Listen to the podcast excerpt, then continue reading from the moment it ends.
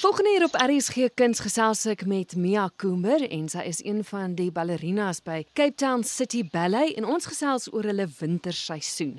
Dis nogal 'n lywige winterseisoen wat julle het. Daar's twee produksies, verstaan ek reg? Ja, dit is korrek. Goed, kom ons begin met die eerste een, Romeo en Juliet. Is daar verskillende weergawe of is daar net een?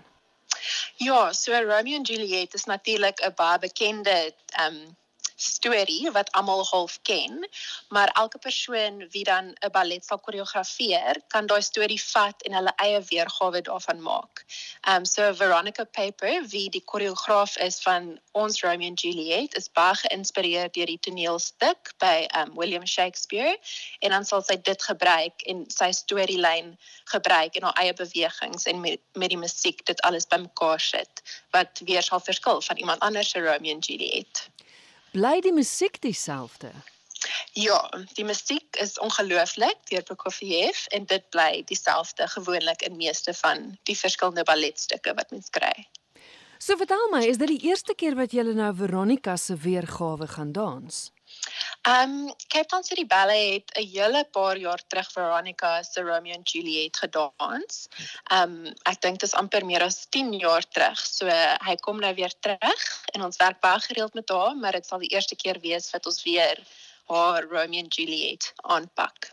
Verskil een koreograaf se se styl heelwat anders van 'n ander een. Ek weet nie of jy nou al vorige Romeo and Juliet gedans het nie, maar bly die basiese ballet passies dieselfde? Gaan dit maar net oor die volgorde waarin dit gedoen word of wat maak iets uniek aan 'n koreograaf?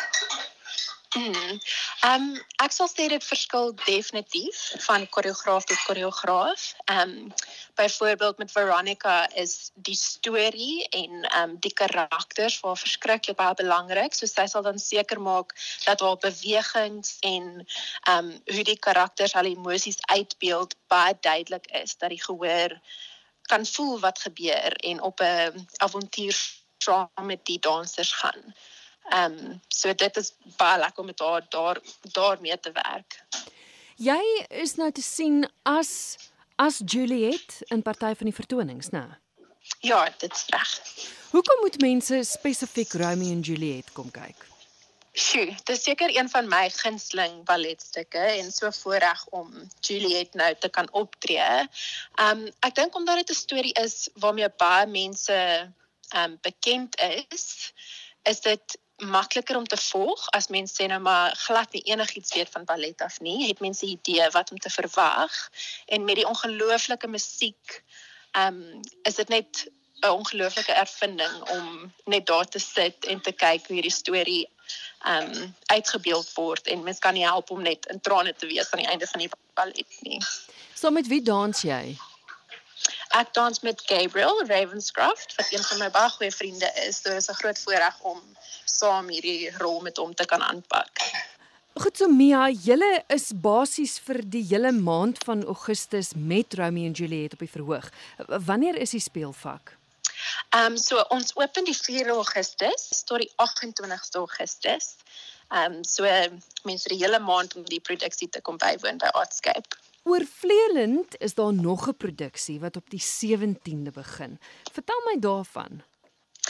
So hierdie produksie is 'n triple bill wat beteken dis drie afsonderlike korter ballet um, spelle um, onder die naam Ikigai. Um, al drie stukke is heeltemal anders. Een is verskriklik klassiek met die naam Le Patineur wat deur Frederick Ashton gekoreografeer is. So dis nou weer vir mense wat meer van die klassieke stukke hou, is dit 'n pragtige een. Ehm um, dan is daar Polarity wat half bietjie meer neoclassical is. So dis 'n mengsel van ehm um, klassieke ballet en dan ook meer kontemporêre bewegings.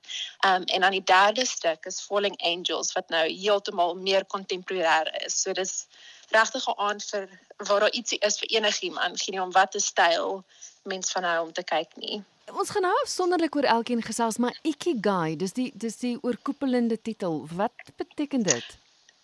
Ehm um, so Ikigai is 'n Japaneese woord en dit beteken om te wees. En so hierdie naam is gekies deur ons direkteur om net al hierdie drie verskillende ballettens onder een sambreel half te koppel. Kom ons kyk gou afsonderlik na elkeen. Falling Angels dink ek is 'n vorige keer ook al by julle uitgevoer. Dis korrek. Ja, ons het dit laas jaar op um, opgetree in November en dit, dit was 'n baie populêre stuk. So almal is baie gelukkig om weer hom op te tree. En dan die ander twee, waaroor gaan hulle? Um, die ander een is Polarity deur Kenneth Tindall. Dit gaan dis 'n baie sterk neoclassical stuk wat half nie 'n storielyn het nie. Um, maar is baie geïnspireer deur hoe teenoorgesteldes mekaar aantrek en afstoot. So as mens daai in gedagte hou en die stuk kyk, kan mens sien hoe die bewegings ehm um, heeltemal dit probeer uitbeeld. En dan die laaste een is Le Patineur. Dit is die meer klassieke stuk en dit is 'n ijskaatsballet. Ehm um, so dis bietjie meer dis bietjie meer lig, pragtige klassieke musiek, oulike karakters wat daardeur kom, maar weer eens nie noodwendige storielyn nie. Want dit dit die titel beteken The Skaters, né? Ja, ja, dis korrek. Ek wonder want ek toe ek die persvrystelling lees, beweging van ijskaats, skaatsers en ballet. Daar is tog hier en daar mm. ooreenkomste, né? Ja, definitief. Ek dink as mens kyk na ijskaatsers, hulle is ook so elegant en ehm um, baie van hulle doen eintlik klassieke ballet ook om hulle te help as hulle optree. So mens kan definitief ooreenkomste sien tussen die twee. Nou goed, soos ek genoem het, Ikigai begin die 17de, dit is ook tot en met die 28ste, maar ek weet as mens by julle wil bespreek is dit nogals redelik ingewikkeld want jy moet kyk wie dans, watter aand is watter produksie, eh, wanneer speel die Kaapstad Filharmoniese Orkees. So dis nogals mm. ingewikkeld om te besluit wanneer jy wil gaan kyk. Waar doen luisteraars dit? So mens kan kaartjies bespreek deur CompuTicket en as mens op hulle webwerf gaan, sal mens mooi onder dit sien presies wie tree op watter aand watter aande sal wees um met musiek wat hulle reeds opgeneem het of met die um Kaapse Filharmoniese Orkees.